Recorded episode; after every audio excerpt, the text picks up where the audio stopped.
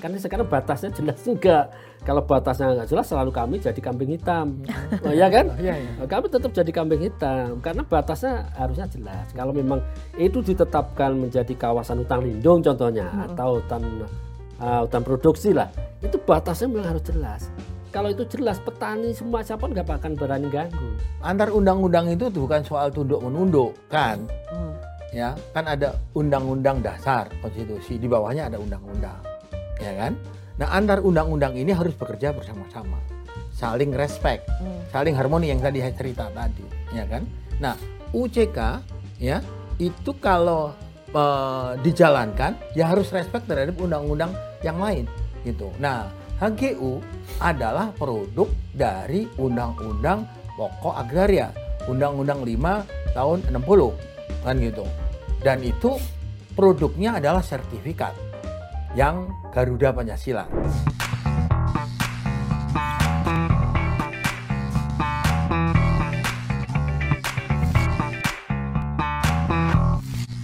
Halo sahabat Kompas TV kembali berjumpa di podcast keliling atau polling bersama saya Paskali Siswari. Eh, sahabat Kompas TV kalau kita bicara soal undang-undang Omnibus Law atau undang-undang Cipta Kerja ini memberi dampak terhadap banyak regulasi dan juga peraturan di berbagai macam sektor. Termasuk salah satunya adalah sektor kelapa sawit. Nah, kalau kita bicara kelapa sawit, sahabat Kompas TV ini melihat produktivitasnya tiap tahun itu selalu meningkat. Tapi di tengah peningkatan produktivitasnya, ternyata tata kelola sawit dari hulu ke hilir masih menemukan banyak permasalahan. Akhirnya di April 2023 lalu, Presiden Joko Widodo ini membentuk Satgas untuk menyelesaikan masalah di sektor sawit. Nah, apakah satuan tugas ini bisa menyelesaikan permasalahan industri sawit di Indonesia? Kita akan ngobrol lebih banyak lagi. Sudah ada dua tamu di polling pada hari ini. Saya akan perkenalkan langsung. Yang pertama ada Prof. Budi Mulyanto, Kepala Pusat Studi Sawit IPB. Prof, terima kasih sudah hadir hari Selamat ini. siang, selamat siang. Oke, dan ada juga Pak Setiono, Ketua Umum DPP Asosiasi Petani Kelapa Sawit Perusahaan Inti Rakyat. Ya, selamat siang. Terima kasih sudah hadir juga jauh-jauh dari Riau, ya Riau, Pak. iya. Oke, ini saya akan ngobrol dulu ke Prof Budi, Prof. Mhm. Ini kan ditemukan banyak sekali permasalahan dari Ya. hulu ke hilir. Ini udah rahasia umum lah ya, Prof. ya, Ya, kalau kita ya. ngomongin sawit Mhm. ada aja masalahnya. Mhm. Nah, lalu eh, yang ditemukan kalau dari kacamata Prof, apa sih Prof permasalahan yang sering muncul nih Prof di industri Mhm. sawit terutama soal regulasi dan perizinan? Mhm. Ya, sebelum kita bicara mengenai persoalan regulasi dan perizinan, sebenarnya ri- perizinan itu regulasi juga, Bu. Ya. Kita harus yang pertama kita bersyukur sebagai bangsa Indonesia selayaknya bersyukur mempunyai tumbuhan yang bisa eh, berproduksi sangat baik di negeri tercinta kita ini. Ya adalah sawit kelapa sawit. Karena kelapa sawit ini aslinya bukan dari Indonesia. Aslinya dari hutan di Afrika sana, ya. Dan diadap di dibawa diadaptasi di eh, bawa di kebun raya sana, kemudian dibudidaya di Sumatera. Sudah puluhan tahun yang lalu sebelum kemerdekaan itu di- dilaksanakan. Dan alhamdulillah sawit seperti menemukan rumahnya, yaitu Indonesia ekosistem di mana sawit itu bisa tumbuh dengan baik dari Sabang sampai Merauke. Mengapa kita mesti bersyukur? Karena sawit ini pada tanah yang kita sebut marginal, yang tumbuhan tidak bisa tumbuh baik, sawit bisa tumbuh baik dan memberikan kesejahteraan buat rakyat Indonesia. Itu. Jadi produk sawit ini luar biasa, luar biasa. Eh, dan ruang kerja ini luar biasa juga. Tahu nggak? Sawit kita terluas di dunia, Iya. 16,4 juta hektar kira-kira gitu. Dan yang terpenting lagi memberikan ruang kerja buat bangsa kita ini, buat rakyat Indonesia ini, ya sekitar eh, jutaan lah, 16 juta or something like that. Banyak, banyak. Dan kemudian memberikan dampak ekonomi yang luar biasa. PDB kita kalau tidak salah sekitar 3, koma sekian dari sawit. Belum lagi pada saat COVID, pada saat COVID itu itu sawit menggendong ekonomi Indonesia sehingga pertumbuhan ekonomi dari sektor per, pertanian tumbuh sangat baik 3,5 luar biasa. Nah ini kita mesti bersyukur dan dalam bentuk apa kita mesti bersyukur? Dalam bentuk kita harus bereskan berbagai hal, berbagai hal mengenai berbagai aspek yang berhubungan dengan bagaimana kita berbudidaya ini, termasuk peraturan perundangan, pelaksanaan perapihan peraturan perundangan. Gitu. Jadi peraturan perundangan apakah masalah buat sawit? Saya kira permasalahan ini kita mesti urut. Apakah uh, budidaya sawit membuat permasalahan di peraturan perundangan, or peraturan perundangan me, memberikan masalah buat budidaya sawit, mari kita analisis bersama. Saya kira itu, note saya. Dengan lahirnya Undang-Undang Cipta Kerja, Prof, ya. kan janji dari pemerintah hmm. adalah undang-undang ini untuk menyelesaikan yes. semua yes. regulasi yang hmm. semerawut gitu, hmm. karena satu ada di Kementerian A, B, C. Menurut Prof, apakah Undang-Undang Omnibus Law ini memang benar-benar menyelesaikan uh, permasalahan regulasi di industri sawit itu? Let's history, let's we check history. Mm -hmm. Jadi persoalan terbesar yang terkaitan dengan budidaya apa saja di bumi negeri kita ini itu masalah tanah. Oke. Okay. Jadi persoalan lahan. Ya. Tadi ngomong-ngomong dengan Pak Stiono juga urusannya tanah. Mm. Gitu. Sebenarnya tanah ini, Bu, ya. Bu Pas, Bu Paska. itu sudah ada regulasinya sejak zaman sebelum NKRI ini berdiri. Jadi tata aturan pemilikan, penguasaan, pengadministrasian itu sudah ada, gitu. Mm-hmm. Dan tentu saja sejak waktu uh, Belanda datang juga bikin sistem, gitu kan. Nah setelah Indonesia merdeka, bikin sistem juga yang kita sebut dengan Undang-Undang Nomor 5 tahun 1960 uh, undang-undang peraturan dasar pokok-pokok agraria itu judulnya. Nah undang-undang ini mengatur uh, tadi uh, negara mengatur hubungan hukum antara orang atau masyarakat ya terkait dengan tanah hubungan hukum dan perbuat hukum apa itu sehingga memang undang-undang pokok agraria ini yang mengatur tadi tanah ini dimiliki oleh siapa, ya kan? Dimiliki oleh siapa. Dan itu nanti ujungnya tadi subjek hak itu siapa, objek itu tanahnya mana, batasnya mesti jelas, ya kan? Subjek itu artinya identitasnya mesti jelas. Kalau perusahaan itu juga uh, punya identitas jelas, didirikan dengan akta nomor sekian dan ya kan gitu. Nah setelah itu tanah ini diperoleh bagaimana? apakah dari waris, apakah dari tadi kebijakan pemerintah diberikan oleh pemerintah, apakah dari uh, pembeli dan seterusnya. Hmm. Ini kemudian didaftar. Nah, pendaftaran inilah yang kemudian subjek hak ini ya akan mendapatkan jenis hak tertentu, misalnya hak milik. Hmm. Pak tadi bilang ada hak milik ya hak milik hak milik iya. sertifikat ya. sertifikatnya hak milik. hak milik dan sertifikatnya itu gambar Garuda Pancasila itu berarti ya, resmi itu. kan ya harus resmi mi mi mi kira-kira gitu HGU juga gitu uh -huh. ya kan? HGB juga gitu ya. Sehingga dengan adanya sertifikat ini uh, pemegang sertifikat mempunyai hak atas tanah. Nah yang terpenting bukan hanya hak subjek hak ini orang yang mendapatkan hak ini ini mempunyai kuasa penuh untuk menggunakan memanfaatkan tanah objek hak ini. Tentu dengan syarat ketentuan. Nah, syarat ketentuan itu kita sebutnya dua R. Kan ada tiga R, right, restriction, and responsibility. Nah, right ini pasti diikuti oleh restriction. Restriction maknanya ada aturan-aturan yang harus diikuti oleh pemegang hak ini. Nggak boleh merusak tanah. Hmm. Misalnya kayak gitu kan, harus uh, apa namanya menjaga batas dan seterusnya kayak gitu. Nah, ini uh, aturan-aturan. Nah, kemudian ada kewajiban-kewajiban Bu Paska. Kewajiban misalnya harus bayar PBB, ya kan? Harus kalau ada kegiatan ini produksi dan seterusnya, ada itu itu ada aturan aturannya, gitu. Jadi 3 R, paradigma 3 R ini penting. Rights, restriction, responsibility.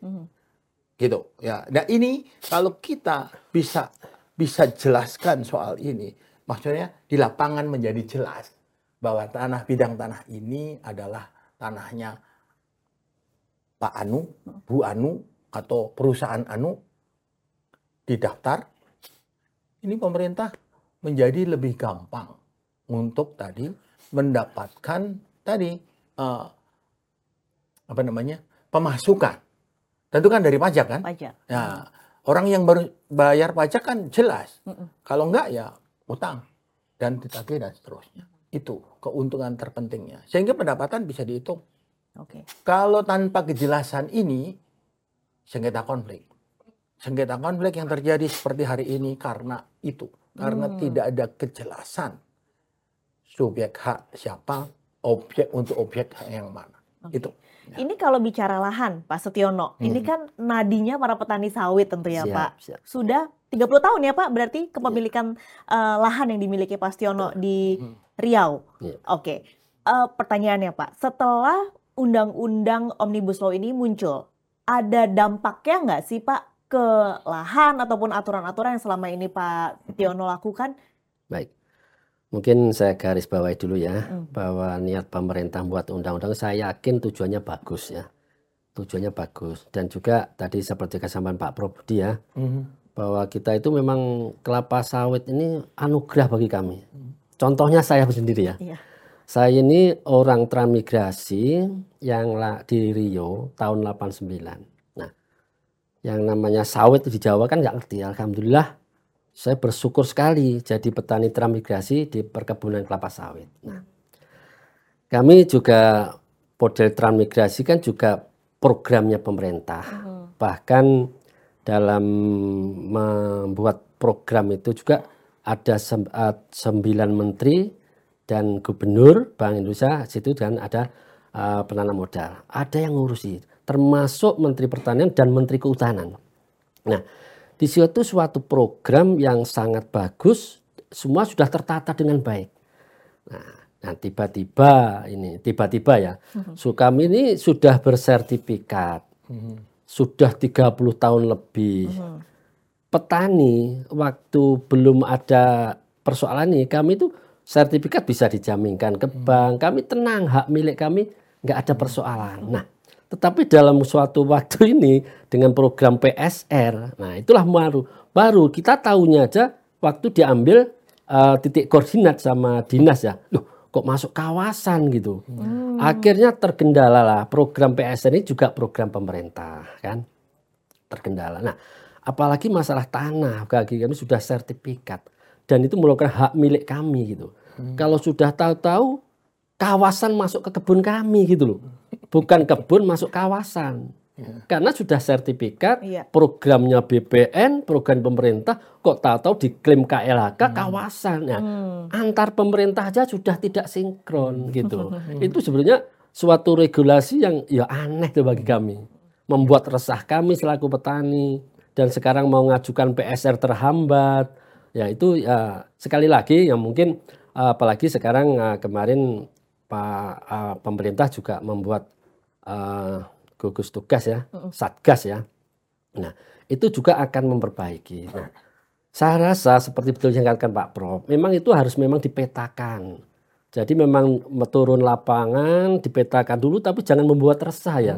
Kalau ditakut-takut kami kan, kalau takut ya tetap kami akan pertahankan kalau Iya. seandainya itu mau diambil. Karena memang sudah sertifikat. Bahkan kalau darah pun kami tumpahkan. Ini milik kita ini masalahnya. Walaupun itu pemerintah. Karena apa?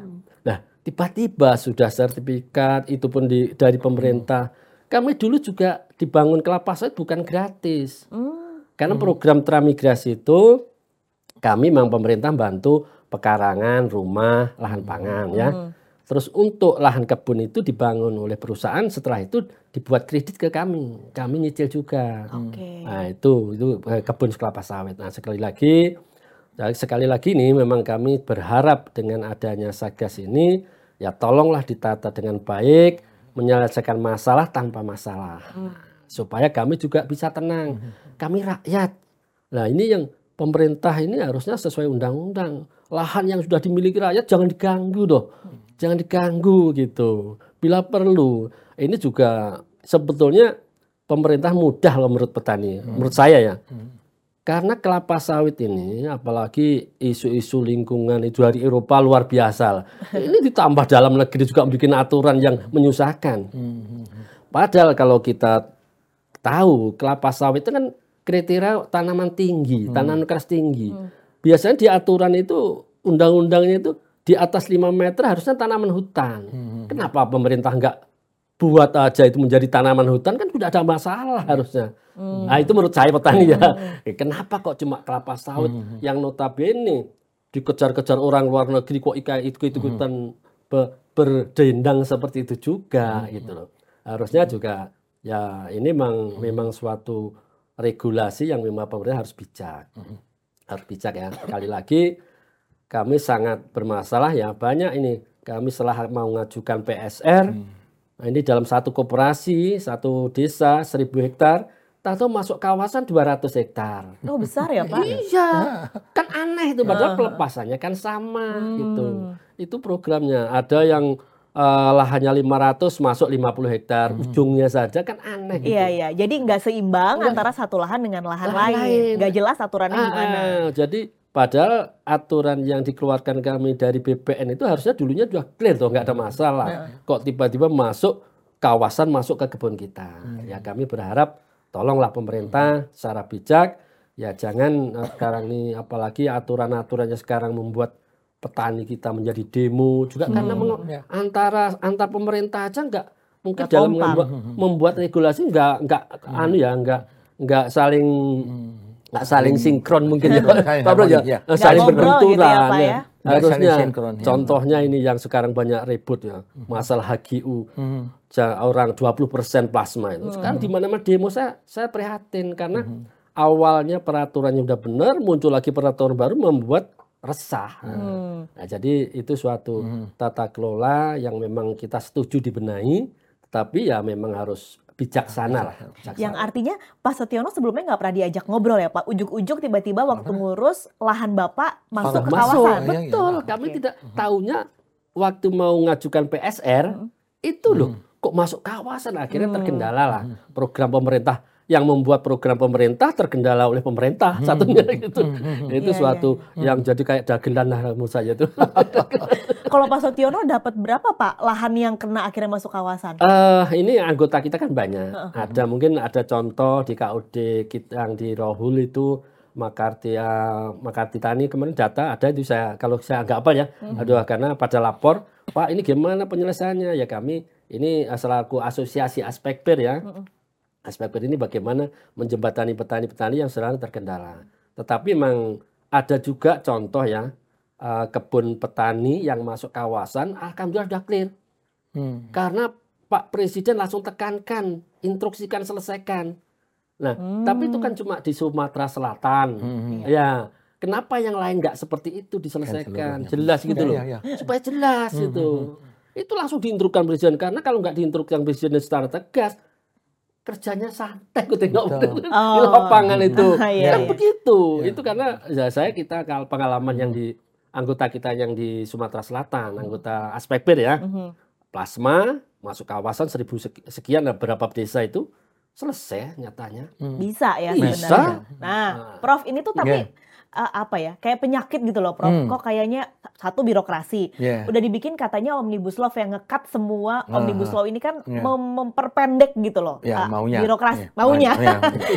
Tapi kok ternyata cerita dari Pak Setiono malah enggak gitu. Malah petani kebingungan gitu loh. Kok yang Iya. di sana dapatnya A, kita B, Ya. kok di sana cuman kecil saya besar. Gimana, Prof? Begini, yang pertama, yang pertama. Sebenarnya eh, negeri ini eh, setelah Undang-Undang Dasar terbit sebagai apa eh, sebagai konstitusi kita, kan itu turun undang-undang yang pertama dan yang terpenting undang-undang tadi 5 eh, 60 yang mengenai agraria itu ya. Eh, 5 1960 mengenai eh, aturan dasar pokok-pokok agraria. Dan tentu saja itu mengatur hubungan hukum antara subjek objek saya terangkan tadi. Nah, persoalannya adalah eh, sebelum undang-undang yang diterbitkan eh, setelah kemerdekaan itu berjalan baik, terjadi peristiwa 65. Ya, peristiwa 65 ini menyebabkan ada pergantian rejim. Tahun 67 Orde Baru. Orde Baru membuat undang-undang yang sifatnya sektoral. Banyak listnya banyak, mulai dari undang-undang penanaman modal, kemudian undang-undang kehutanan, undang-undang undang-undang kehutanan itu menarik. Judulnya pokok-pokok kehutanan. Saya jadi jadi ini lucu juga sih ya, kenapa pokok-pokok kehutanan ini kok nyama-nyamain dengan pokok-pokok agraria. Apa tujuannya? Tapi akhirnya menjadi uh, direvisi menjadi ke undang-undang kehutanan dan unjangan pertambangan dan seterusnya. Nah, persoalannya adalah masing-masing undang-undang itu banyak, Mbak. Undang-undang sektor itu banyak. Masing-masing undang itu undang-undang diturunkan peraturan-peraturan bawahnya ya. Itu ada ribuan. Sehingga akhirnya menjadi jungle of law. Karena antar antar undang-undang sektor dengan yang lain itu mutual eksklusif. Dalam bahasanya Mas Tiono tadi tidak harmonis ya Mas sampai Tidak. Enggak koordinasi. enggak koordinasi begitu. Jalan sendiri-sendiri menjadi negara-negara sendiri masing-masing undang-undang itu. Koordinasi. Padahal semuanya turun ke permukaan bumi negeri kita. Itu persoalan. Dan akibatnya apa? Akibatnya sering terjadi konflik antar peraturan perundangan itu. Dan dampak yang terpenting pembangunan yang ada di Indonesia menjadi terhambat. Tapi yang sebelum itu banyak konflik agraria, banyak konflik agraria itu mbak. Macam-macam konflik, model konfliknya macam-macam. Tapi gara-gara undang-undang sektoral itu konflik agraria menjadi meningkat. Yang kedua eh, pembangunan terhambat. Mengapa terhambat? Ya karena investasi terhambat. Tahu nggak mbak? Berapa izin yang harus di kebetulan saya pernah di BKPM harus di, dimintakan ke pemerintah untuk membuat investasi lebih dari 60. Hmm. Dulu zaman awal-awal Pak Jokowi menjadi presiden, Pak Jokowi bilang "Loh, kalau kayak gini kapan investasi datang? Karena mengurusnya pun lima tahun. Itu itu betul, itu betul. Nah akhirnya Pak Jokowi bilang Satu di- pintu. satu pintu. Ada ada PTSP kan, Mhm. ya, pelayanan satu pintu, pelayanan perizinan Pelayanan satu terpadu pintu, satu terpadu pintu, pintu. ya Mhm. kayak gitu. Terus sekarang menjadi OSS itu. Namun demikian itu pun ternyata tidak karena undang-undangnya Hmm. interlock, interlock, tidak nyambung. Pak, nah, sambungannya itu yang jadi masalah. Nah. Nah, akhirnya ada pikiran untuk membangun eh, undang-undang yang bersifat omnibus law, UCK itu, Mm-mm. itu. Namun ada namunnya lagi nih.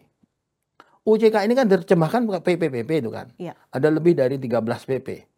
PPPP itu draftnya yang membuat sektor lagi yang punya undang-undang.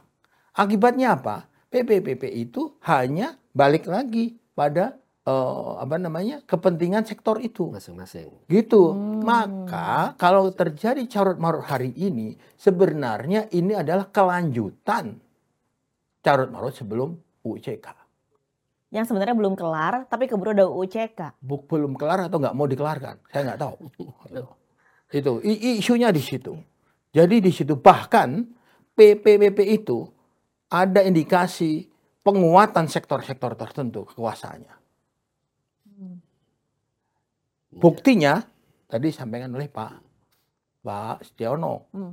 Semua didefinisikan sebagai kawasan hutan sebagian besar ada Iya. batasnya dan tentu saja batas itu kalau mengikuti rumus hukum batas itu harus didasarkan pada pihak-pihak yang berbatas. Benar nggak Mas? Iya.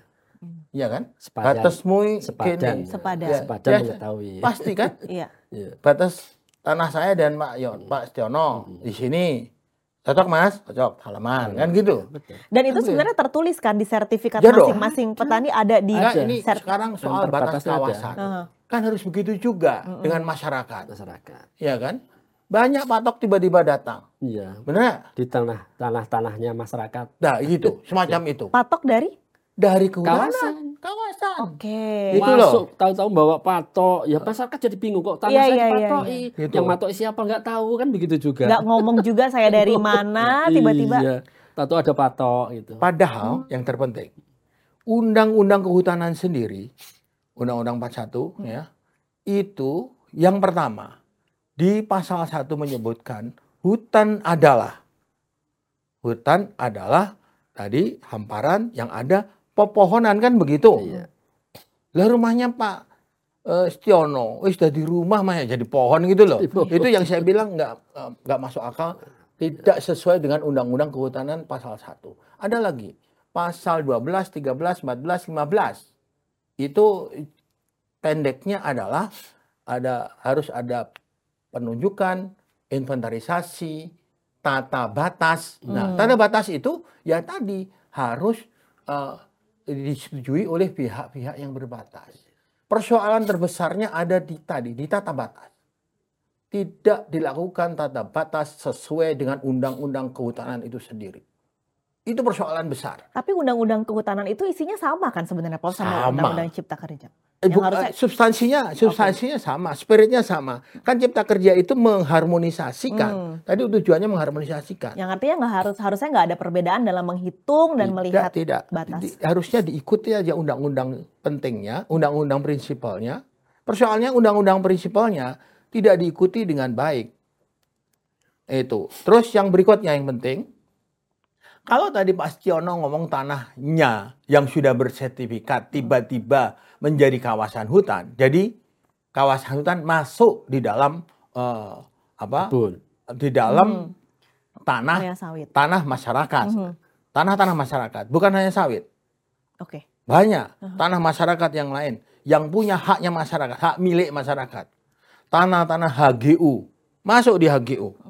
Menurut hemat saya ini eh, gimana tata laksana hukumnya? Hmm. Kan itu produk-produk hukum yang eh, dasarnya adalah undang-undang pokok agraria. Iya kan? Dan itu produk sudah diproduksi sebelum ditetapkan sebagai kawasan hutan. Iya kan? Iya.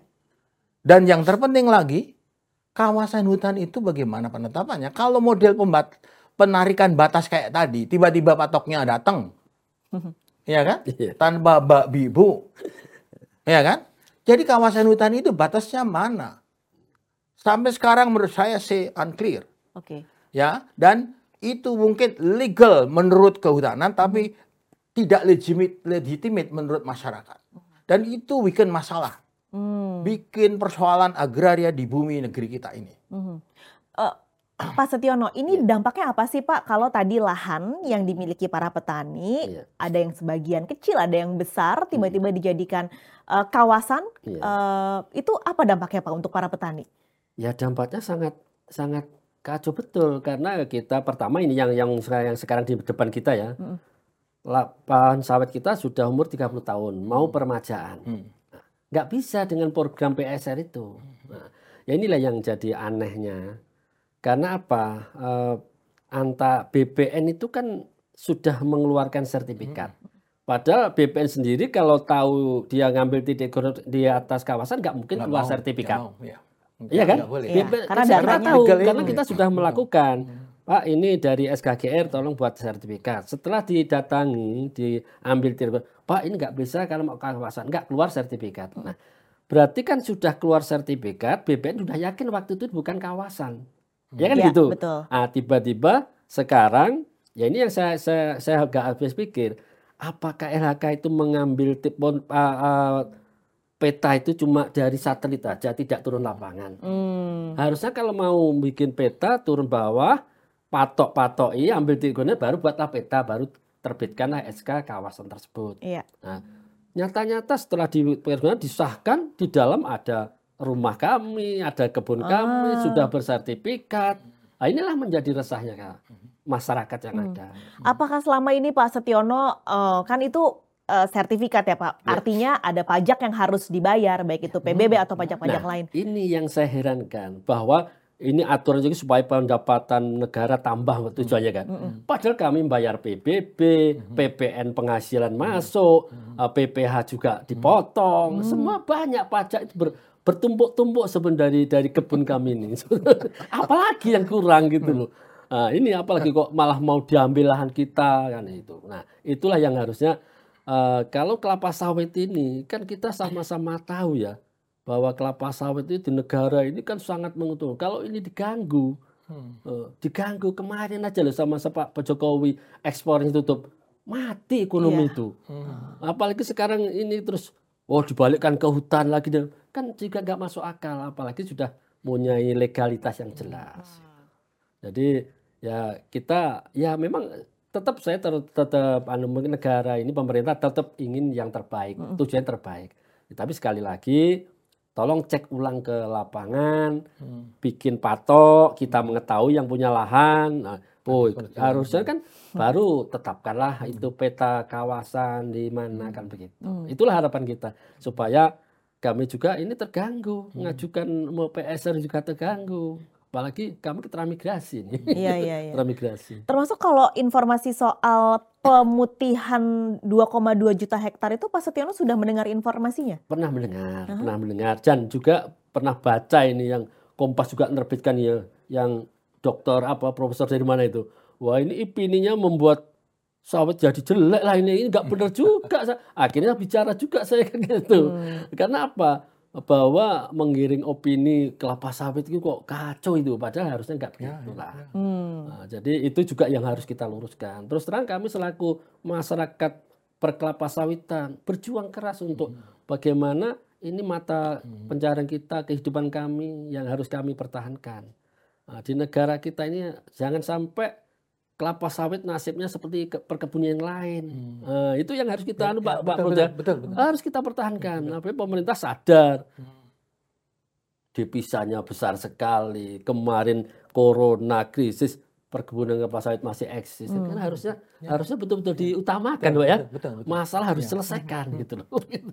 Eh, Pak Setiono ini kan Pak Setiono juga udah cerita semua sertifikat Pak Setiono megang. Teman-teman petani juga punya. Iya. Tiap tahun bayar pajak dari Iya. pajak A, B, C semua dibayarkan. Nah, kalau ada pemutihan yang disebut bulan depan, awal November lagi yang berarti waktunya tinggal pendek lagi dan harus memenuhi persyaratan. Nanti mekanisme administrasinya gimana, Pak? Kami ini gimana ya sudah diimbau suruh daftar. Kami itu sudah punya sertifikat sah, ya kan? Sertifikat sah kalau kita daftar berarti kami mengakui salah. Padahal kami tidak salah. Ibaratnya suatu rumah tangga kita sudah punya surat nikah dikeluarkan KUA. Sekarang tahu-tahu bapak gak sah suruh daftar kan gak masuk akal. Nah, jadi itulah yang harusnya harusnya yang sudah punya sertifikat itu harusnya tidak perlu daftar. Kalau ada perusahaan gastro ya antar pemerintah itu aja selesaikan. Jangan petani yang harus mendaftar gitu. Hmm. Itulah harapan kita karena memang kita sudah punya surat sah loh, sudah benar loh, udah pegang loh. Tahu-tahu dianggap dia sah ya tidak mungkin, nggak mau. Apalagi programnya itu eh, programnya pemerintah, lembaga juga pemerintah itu. Itulah eh, sekali lagi walaupun kami diimbau suruh daftar, ngapa kami sudah nggak nggak salah punya sertifikat jelas kok. Cuma surat nikah jelas kok masa cuma dua kali. Nah itu mungkin itu nggak- Gambarannya apa ya? Berarti, Gambarannya. nah, teman-teman petani juga akhirnya ya nggak mau karena semuanya udah punya, nggak ada yang mau daftar dalam pemutihan ini. Iya, untuk apa? Udah jelas fisiknya, suratnya jelas. Batas antar tetangga per 2 hektar jelas gitu semua. Oke.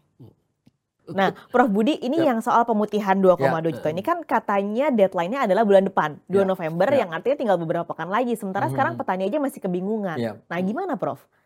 Ya pemutihan itu maknanya apa? Hmm. Kalau maknanya adalah pemberesan atas data yang saya katakan tadi, data subjek yang memiliki tanah, batas tanahnya mana, haknya kayak apa dirapihkan, perizinnya dirapihkan, dan itu menjadi clear and clean, ya, menjadi putih. Tentu saja clean and clean, Iya. putih. menjadi rapi. That's good. Tapi kalau pemutihan yang berarti tadi bahwa di dalam kawasan hutan maka ya kan, oke, yuk eh, masuk kawasan hutan maka harus apa namanya sekarang kita sebut dengan jangka benah. Eh jangan deh, Jangan. Karena apa? Karena tanah-tanah yang sudah mempunyai haknya jelas, hak itu diterbitkan oleh pemerintah atas nama negara loh, jangan lupa. Itu adalah uh, mempunyai kekuatan hukum yang kuat. Dengan mengeliminasi hak itu, jangan lupa itu melanggar HAM. Di mana melanggar HAMnya? Wong dia sudah hidup dengan baik, ya. Dengan legalitas pemerintah, legalitas negara. Tadi Pak Stiono ya, cerita ya, panjang loh, ya kan? Bahwa hidup udah nyaman, ya kan? Pinjem bank bisa, kan gitu ya? Tiba-tiba dipotong, pong, ya kan? Nah, itu mah sebaiknya jangan. Sebaiknya jangan. jangan. Hmm. Kalau tujuannya adalah tadi untuk menambah pendapatan negara, ya kan? Saya sudah cerita tadi dengan pemberesan atas data, data spasialnya di lapangannya juga batasnya, ya, patok-patoknya dirapihkan gitu Pak Tiono ya. ya? Betul. Ya. Kemudian dipetakan dengan baik, didaftar dengan baik. Ini subjek pajak menjadi jelas. Ya, tadi Pak Pak Tiono bilang kan, pajak apa itu pajak PBB, hmm. apa itu pajak pendapatan, apa ya. pajak yang lain, yang lain, yang lain. Itu jelas. Dengan kejelasan itulah saya kira pemerintah mendapatkan keuntungan. Okay. Dan tentu saja saya berharap itu. Sehingga uh, apa namanya? Satgas sawit ini saya berharap melakukan apa yang saya sebut affirmative policy. Hmm. Policy yang mengarah kepada penguatan sistem bisnis sawit ini ya dengan penguatan data yaitu pemberesan data dan tentu saja dengan data yang beres oh, orang yang bertanggung jawab atas kebun sawit, atas bisnis sawit itu jelas. Nah kejelasan itu saya kira uh, menjadi keuntungan penting buat bangsa ini. Okay. Karena dengan demikian juga aspek-aspek yang berkaitan dengan sengketa agraria bisa di diminish, bisa hmm. dikurangi, hmm. bisa dikurangi, diselesaikan. diselesaikan. Saya kira Pak Tiono yang di Pak Tiono yang di ground eh, kira-kira uh, itu kan iya. yang jadi hmm. yang jadi intinya. Isunya. Jadi hmm. isu nah, pemutihan itu mm-hmm. mau pemutihannya ke mana? Iya, pemutihan iya. ada dua jalur ini. Iya. Dijadikan diputihkan balik jadi hutan atau diputihkan menjadi hak miliknya masyarakat mm, iya. itu. Iya. Kan ada dua jalur Pak ya. Iya, iya, iya. Jangan sampai pemahamannya harus okay. harus ada dua jalur pemahamannya ini. Iya. Ini yang menjadi rancu, jadi resah kita gitu. Pak, tapi apakah uh, mungkin ini tujuan dari pemerintah adalah meng, apa ya, membereskan gitu ya, ya Pak? Saya ambil kata itu untuk petani-petani plasma yang tadinya awalnya dia nggak ada di kawasan hutan, terus uh, tiba-tiba sekarang ada di kawasan hutan gitu. Iya. Itu gimana Pak? Ya itu saya minta mungkin satgas yang ada ini turun lapangan. Mm -hmm. Di situ cek mm -hmm. lapangan, ketemu mungkin kepala desa, ketemu petaninya, oh ini kok indikasi masuk lapangan tapi di, di lapangan itu ada sertifikatnya ada petaninya pemilik jelas ya hmm. ya harusnya dikeluarkan. Ya, nah, okay. itu harus dikeluarkan. Dan itu sebenarnya gampang ya pak untuk gampang kalau mau menyelesaikan. Ya. jangan sampai ada udang di balik batu. Nah. yang yang penting lagi uh, pendekatannya tapi ya. tadi kan afirmatif. Mm yang kedua yang saya minta partisipatif. Sehingga produk atau kegiatan satgas ini lebih inklusif Partisipasi masyarakat kita kita apa namanya galang menuju yang positif. Iya. Itu menuju yang positif. Saya yakin uh, masyarakat uh, uh, dengan senang hati iya. ber, berkontribusi diajak untuk ngobrol gitu ya Pak Dia, intinya. Diajak ngobrol, diajak kerja, di, hmm. di, di, di, ditunjukkan di mana yang ini. Saya yakin itu akan menyebabkan bumi ini menjadi uh, dingin tidak tidak seperti sekarang. Mm. Jadi semuanya jadi worry. Jadi ya, nggak kayak gitu. Jadi mengajak serta partisipasi masyarakat untuk bersama-sama menyelesaikan ini penting. Mm. Saya yakin deh orang Pak Setiono dan sahabat-sahabat atau saudara-saudara uh, petani di lapangan ini dengan senang hati. Siap. Dia paling dia punya singkong pasti dikeluarkan. Mm. Punya kopi dikeluarin. Kan gitu toh? Yes, iya, ya. Jadi kira-kira begitu. Jadi dan ini adalah prinsip buat bangsa Indonesia. Kita kan punya Pancasila. Apa Pak Pak Bastiano yang penting? Gotong ya, royong kan? Iya, gotong ya, royong. Kayak gitu loh. Ya. Kekayaan, kekayaan negara untuk rakyat loh. Nah, itu Bu. Jadi ya, jangan lupa Pancasila. Ya. Serius saya katakan ya. ini. Termasuk menyelenggarakan negara ini. Gitu. Jadi spirit itu penting. Ya. Yang artinya bersama-sama. secara objektif Pak Iya, uh, iya. Prof Budi, Undang-Undang Cipta Kerja ini seharusnya baik kan Pak? Tujuan me- apa namanya eh, men- membuat undang-undang cipta kerja ini kan membereskan Hmm. janggal Allah kan. Mm. Nah, supaya apa? Supaya eh, antar undang-undang itu bisa diharmonisasikan. Itu nomor satu. Nomor dua, urusan-urusan konflik agraria bisa diminimalkan atau dinolkan. Hmm. Proses perizinan menjadi diperpendek dan seterusnya. Panjang. Cuman persoalan sekali lagi saya katakan PPPP atau peraturan-peraturan eh, pemerintah dan juga peraturan menteri Hmm. di bawahnya itu bukan membangun harmoni tapi kembali pada spirit eh, sektoralisme dan itu yang menyebabkan persoalan sekarang ini Hmm. gitu. Jadi sebenarnya persoalan kayak gini nih ya dulu juga banyak. Mm-mm. Kan maunya diberesin oleh UCK, Iya. oh, ya kan? Oh, yang bersifat omnibus law. Hmm. Tapi karena yang balik kucing ya mau gimana ya seperti dulu lagi kan gitu. Hmm. Bahasa saya dulu seperti bahasanya Pak Tiono, balik kucing. Balik kucing kembali ke eh, apa namanya si- square one. Hmm. Bahasanya orang Amerika itu. Kembali lagi ke kota nomor satu. Iya, iya. Itu. Mundur malah mundur, ya. bukan mundur sih ya, ya balik lagi ke situ. Maunya ke situ, balik Iya, lagi. iya, iya, kira-kira. Tapi tapi Pak Stiono selama ini kalau Pak Stiono mengurus secara administrasi, lalu tadi bayar pajak yang memang sudah dilakukan oleh teman-teman petani juga, apakah ada hal-hal yang apa ya Pak ribet gitu Pak pembayaran atau eh, apakah Pak Stiono yakin bahwa teman-teman petani ini disiplin kok mengurus sertifikat lalu juga mengurus pajak itu Pak? Kalau petani plasma Mm-mm. untuk mau sertifikat sebenarnya itu sudah ditugaskan pemerintah langsung. Hmm. Kami sudah menerima sertifikat. Oh, loh. udah ada. sertifikat. sudah dijaminkan di Hmm. bank. Itu yang program pemerintah. Jadi kalau mengurus sertifikat kami justru tidak tahu pada itu. Sudah semua program pemerintah. Kami sudah kasih nama sertifikat kasihkan sudah lunas sudah. Nah, jadi itulah sertifikat program pemerintah waktu transmigrasi. Hmm. Bukan saya membuka kebun baru Baru. terus bikin ngurus sertifikat. Nah, itu juga ada yang dilakukan. Karena yang terutama kebun swadaya kami lah, Mhm. kami kan membuka baru itu pun tetap melalui desa, desa cek, terus bisa sertifikat, bisa kita ajukan sertifikat, itu sudah sudah Hmm. mengikuti tatanan semua. Sudah kita ikuti semua aturan. Dengan jalur resmi ya Pak? Jalur resmi. Karena apa? Kalau nggak nggak nggak bisa pasti nggak keluarkan BPN. Betul. Pajak semua sudah kita bayar. Hmm, NJOP-nya apa aturan di daerah itu kita bayar semua. Oke. Nah, tapi kalau yang saya bicarakan tadi kan yang plasma itu program yang sudah disiapkan pemerintah semua. Hmm. Kami tidak tahu kemarin ngurusnya sertifikat BMA itu semua dilakukan oleh pemerintah waktu itu. Ah, mm.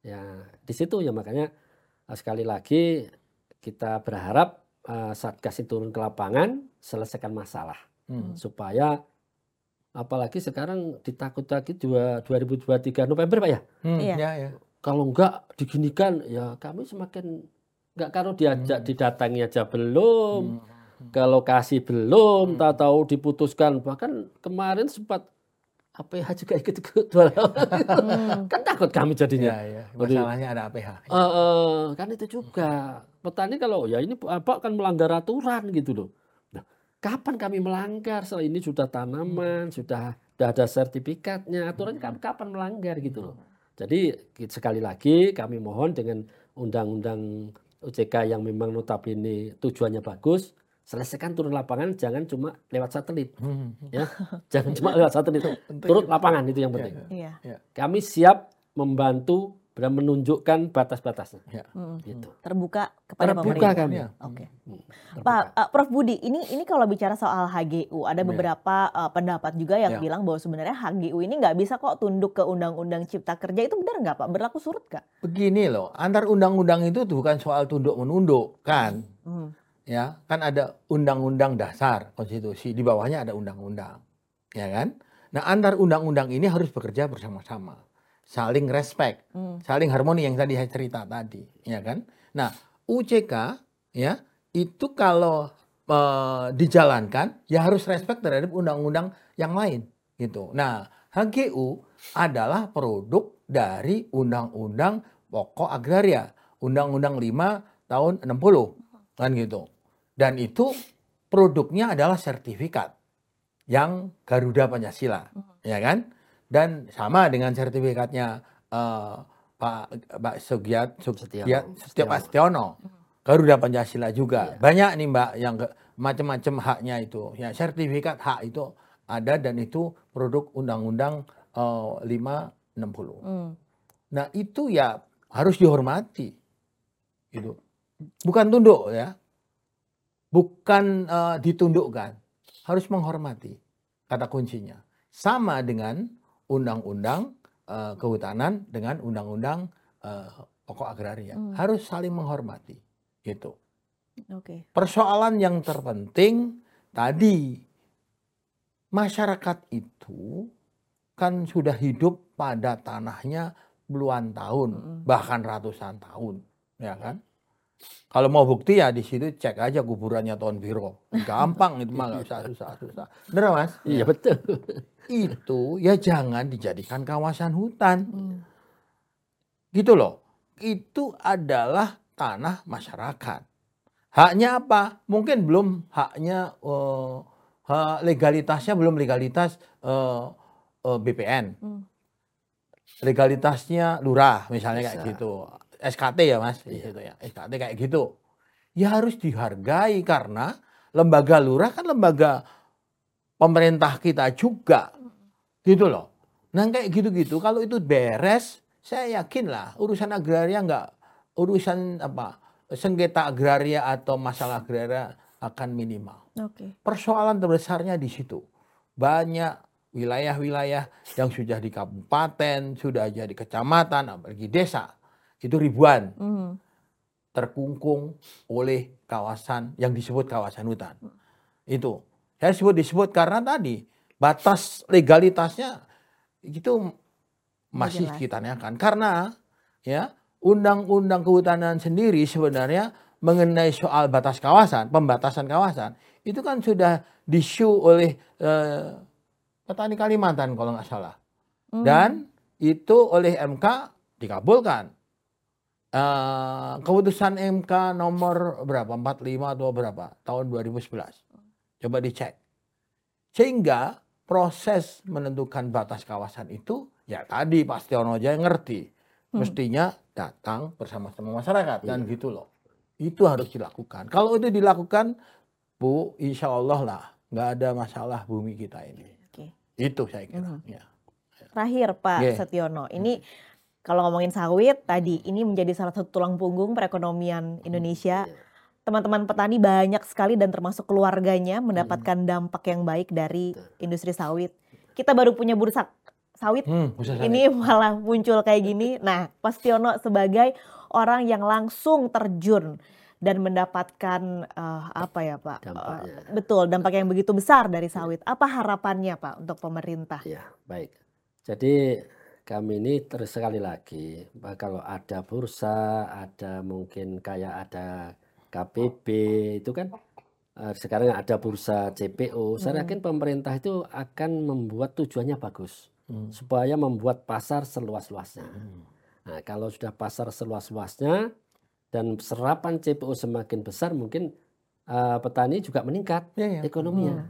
Yang penting tujuannya bagus. Hmm. Tapi selama ini tata niaga kan sudah ada eh, di lelang sendiri, ada lelang KPB, Astra dan sebagainya kan Ya, ya. sudah ada. Nah, tapi pemerintah ingin mengepulkan menjadi bursa. Saya yakin niatnya bagus supaya pemasaran lebih terbuka dan lebih meningkatkan daya tawar yang tinggi.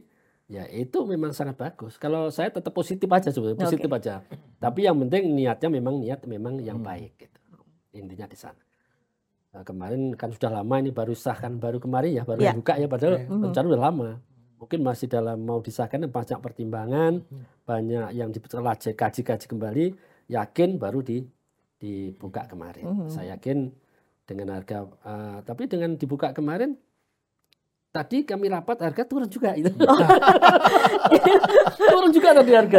Di Rio turun 15 rupiah itu. Oke. Nah, padahal bursa sudah dibuka kan. Iya, iya, iya. Saya yakin ya karena CPO ini pasarnya yang banyak kan luar. Mm-mm. Hmm, Banyak luar kan tetap tergantung sana tuh, Pak. Kalau CPO tergantung sana, kita tidak memungkiri ya. Yang penting apa permintaan luar ya kita turuti aja lah. Yang penting kita masih mampu bisa menuruti. Dan terbuka ya Pak, Ya. mengundang pemerintah, satgas atau siapa pun yang mau mengecek lahan, Silahkan. silahkan. Silahkan. Kami siap. Tidak ada yang ditutup-tutupi. Tidak ada tutup-tutupi. Siap. Jadi ini buat pemerintah juga semoga mendengar ya Pak, Ya, satgas Ya.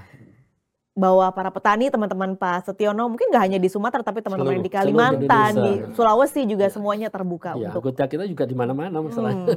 dan semuanya terdampak berarti Ya, kan ya Pak, tidak hanya di Sumatera. Oke, terima kasih uh, Pak Setiono. Prof Budi terakhir, harapannya Prof. Harapan saya, tadi eh, bursa sawit sudah dibuka. Industri sawit basementnya harus kuat. Nah basementnya itu apa?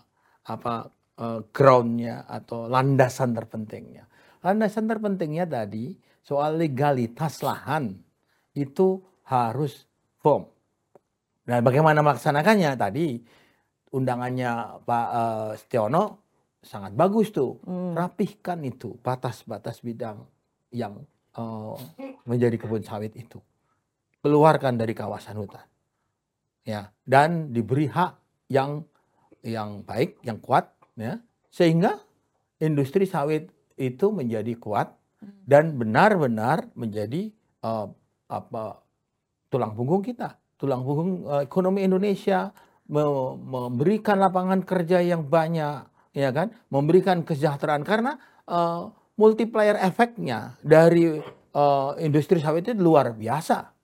Luar biasa. Hmm. banyak produk dan eh, tentu saja banyak yang terlibat. Iya. ya itu saya kira yang saya katakan kembali lagi statement awal kita bersyukur punya sawit dan cara bersyukurnya ya tadi beresin basementnya toh hilirnya juga sudah diurusin Mhm. kalau kita bisa lakukan itu insya Allah lah itu membuat kita menjadi eh, makmur Mhm. itu saya kira kemakmuran kan kita mau di ini siapa yang makmur bangsa kita Mhm. tentrem kan gitu kan eh, kalau orang kampung maunya kan gitu tentrem makmur udah kan nyaman hidup itu saya kira itu bu eh, note saya yang penting Oke, Ya. tapi tapi sekali lagi saya mau balik lagi ke soal lingkungan nih Pak. Iya. Saya penasaran Pak Tiono Iya, karena ini kan soalnya banyak banget yang Iya. dibicarakan. Iya. Itu nanti ketemunya gimana Pak? Eh, ketemu soal eh, petani maunya seperti ini, tapi di satu sisi mungkin Kementerian Lingkungan Hidup juga punya pandangan lain, terutama soal eh, lingkungan Ada, gitu. Nanti iya. gimana Pak supaya bisa klop gitu? Nah, sekarang ini memang kalau memang di hutan ini kalau batasnya jelas, Mm-mm. lingkungan hidup juga akan jelas posisinya. Hmm. Karena sekarang batasnya jelas enggak. Kalau batasnya enggak jelas selalu kami jadi kambing hitam. Oh ya kan? Iya, iya. Kami tetap jadi kambing hitam karena batasnya harusnya jelas. Kalau memang itu ditetapkan menjadi kawasan hutan lindung contohnya atau hutan uh, hutan produksi lah, itu batasnya memang harus jelas. Kalau itu jelas petani semua siapa nggak akan berani ganggu. Itu loh. Jadi sekali lagi apa ini tata kelolanya pembatasan itu memang harus jelas. Nah, isu lingkungan ya sebetulnya ya kalau di sawit ini dibilang nggak isu lingkungan karena di bawahnya juga Mhm. semua hayati ada kalau di sawit yang sudah sudah jadi sawit ya. Mhm. Tapi kalau di sawit di, di situ ada gajahnya di ramenya ya nggak masuk akal kan? Iya kan? Kan ada batasnya tersendiri. Posisinya tempatnya masing-masing. gitu. Iya, rumah sendiri. Rumah masing-masing. Tapi lahannya memang perbandingannya jauh ya Pak dari mereka yang sawit Hmm. sama lahan-lahan yang dijadikan area kebun misalnya atau area rumah untuk orang utan untuk eh, eh, satwa-satwa di sana itu jumlahnya perbandingannya gimana? Ya itu kalau perbandingan yang jelas ada memang gini ya. ah, ini kebun sawit. Mm. Di sini hutan lindungnya hutannya memang betul utuh nggak diganggu. Karena Ya. batasnya jelas. Mhm. Nah, di situ ada hutan, memang hutan. Di situ satwa semua kayak tesonilo lah bahasanya. Mhm. Nah, itu kan sebenarnya batasnya jelas. Kalau ada yang merampas kan kemarin kena tindakan juga kan. Mhm. Nah, karena pemerintah ya itu juga kalau memang itu menjadi suatu kawasan hutan ya harusnya dip- dipager atau Hmm, diparit ya, ya parit. supaya Selama ini batasnya nggak ada ya, Pak? Nggak ada, nggak ada batasnya. Jadi itulah yang kadang membuat jadi persepsinya jadi Ya, salah kaprah. Oke. Termasuk pengawasannya Pak? Ya. Nggak ada seperti ada. apa? Polisi hutan gitu atau untuk Ya polisinya ya lewat-lewat mungkin. Kalau ya, tapi yang jelas masyarakat sekarang kalau situ sudah ada hutan nggak diganggu, nggak ada ganggu. Mhm. Kalau zaman dulu kan memang Oh, memang hutannya memang awalnya kita kan memang hutan semua toh Pak. Ya, betul. Eh, memang nggak ada semua kan hutan Iya, awalnya. iya, iya. Sebetulnya yang bikin ruwet kan aturan juga sebetulnya. yang bikin ruwet aturan Yang sebetulnya Pak, ya. muncul kan. Ya kan? Yang bikin ruwet aturan gitu. Jadi kalau aturannya nggak bisa dibikin ruwet, sebenarnya nggak ada masalah. Gitu. Berarti berarti Prof eh, Iya. ini ini yang harus menjadi prioritas ini gimana nantinya? Kan kita berjalan ya bergulir nih Iya, iya, aturannya dengan oke. harapan nanti Ya. lahirnya bagus untuk Ya, petani oke, ya, untuk mhm. lingkungan baik. Oke, ya. Eh, mana yang harus diprioritaskan? Pendapatan negara nih kita bicara, para petani bicara. Ada satu lagi lingkungan hidup. Itu gimana nanti prioritasnya skalanya? Semuanya prioritas. Iya. But harus di dalam eh, apa harmoni. Hmm. Ya, jadi begini. Kalau satu-satu. Kalau soal tadi pendapatan dan pemberesan data. Saya bilang beresin data dulu lah. Pendapatan itu pasti mengikuti itu. Hmm. Semakin bagus data kita mengenai agraria, semakin bagus pendapatan negeri ini. Itu eh, saya kira eh, dunia ngerti itu. Mm-mm. Nomor dua, mengenai lingkungan. Lingkungan itu, Bu, lingkungan itu eh, semua semua orang mengembangkan kreativitasnya. Itu untuk apa? Untuk agar hidupnya berkelanjutan, sustainable Hmm. ya sehingga lingkungan hidup itu selalu diupayakan membangun sustainability gitu ya nah pertanyaannya apakah lingkungan yang sustainable itu harus hutan kan enggak ada ilmu tanah kalau saya belajar saya saya pengajar ilmu tanah Hmm. ya jadi kalau kita mau meletakkan apa ini digunakan untuk hutan, apa ini digunakan untuk kebun, tanaman apa? tanaman tahunan, ya kan? Apa ini untuk pangan dan seterusnya. Itu ada ilmunya. Jadi pakai ilmu itu. Mana mesti harus hutan permanen, ya? Pakai ilmu itu. Hmm. Jadi kalau kita pakai ilmu itu, insya Allah kita bisa meletakkan di mana kebun sawit, di mana hutan, di mana eh, tanaman padi, di mana tanaman jagung dan seterusnya. Hmm. Gitu ya. Itu pakai ilmu itu. Nah, yang terpenting Indonesia itu mempunyai tanah 190 juta hektar. Nah, dari 190 juta hektar ini, Bu, kita hanya boleh secara formal hidup di apa yang disebut APLR ya, areal penggunaan lain. Hmm. Kenapa disebut lain? Lain hutan, maknanya bukan hutan. Itu hanya 67 juta. Sepertiga dari Hmm. 190. Selebihnya 120 sekian itu kawasan hutan. Jadi dua per tiga itu adalah didefinisikan sebagai kawasan hutan. Padahal tidak semuanya hutan. Itu ada sekitar well, 30 30 juta lebih dari yang disebut kawasan hutan itu tidak berhutan. Nah pertanyaannya kenapa tidak berhutan disebut kawasan hutan? Kan ini melanggar undang-undang kehutanan sendiri. Hmm. Itu yang saya saya pikir. Kalau itu dilepas seperti tanahnya tanahnya apa kebunnya Pak Tiono, masa disebut kawasan hutan kan nggak masuk akal. Udah jelas gitu loh. Nah yang kayak gitu itu menjadi eh, kalau itu dilepas itu insya Allah kita bisa melakukan proses budidaya Oke. yang lebih. Kita menghadapi persoalan pangan sekarang. Mengapa? Karena lahan pertanian pangan kita kecil. Hmm. Hanya sekitar wait 13 juta hektar saja. Hmm. Kira-kira ya, kira-kira. Dan itu sejak tahun 70-an, Bu. Hmm. Gitu. Ya, Penduduk itu waktu tahun 70 120 kurang Hmm. lebih. Eh, itu 80 ingat lagunya Omar Malah kalau kayak gitu ya Pak. Belum kan? lahir pas saya. Nah, sekarang sudah berapa penduduk? Iya. Masa nggak boleh bikin pembangunan itu loh? Hmm. Pembangunan itu basisnya lahan. Gitu. Mostly basisnya lahan, termasuk bangun lahan pertanian Hmm. gitu. Dan saya ingin share juga kalau tadi disebut sawit merusak, Hmm. itu menurut saya itu banyak banyak mitos yang dibangun. Hmm. Faktanya nggak kayak gitu. Seperti menyerap air banyak. Lah iya, memang itu mesin besar, pasti menggunakan air. Dan sawit pasti tumbuh di daerah yang banyak air.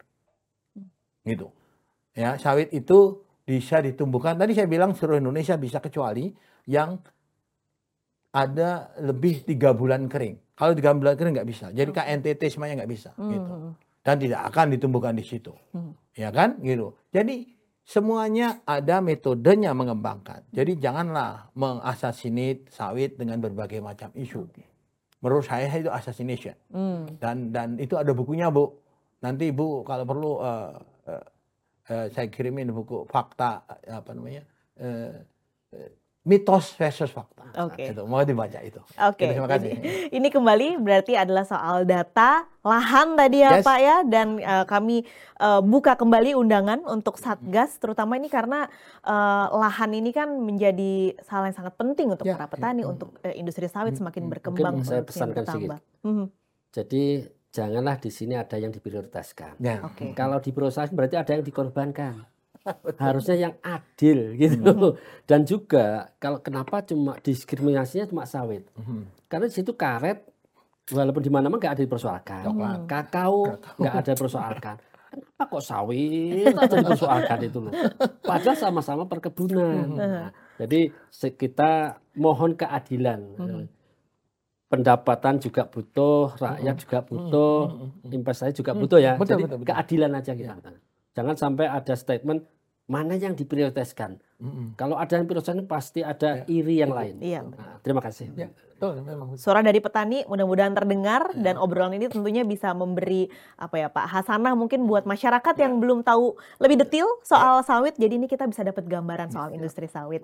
Pak Stiono terima kasih banyak. Sama-sama. Salam untuk teman-teman di Riau eh, dari Jakarta. Siap. Prof Budi juga terima kasih karena ini gambarannya sama-sama. menjadi Iya. lengkap juga eh, obrolan kita hari ini. Terima kasih. Sehat-sehat selalu Ya. Pak. Ya, terima kasih. Dan saudara, obrolan kita akan berakhir sampai di sini. Saya Pascal Siswari menutup podcast keliling kali ini. Sampai jumpa di polling berikutnya. Dadah.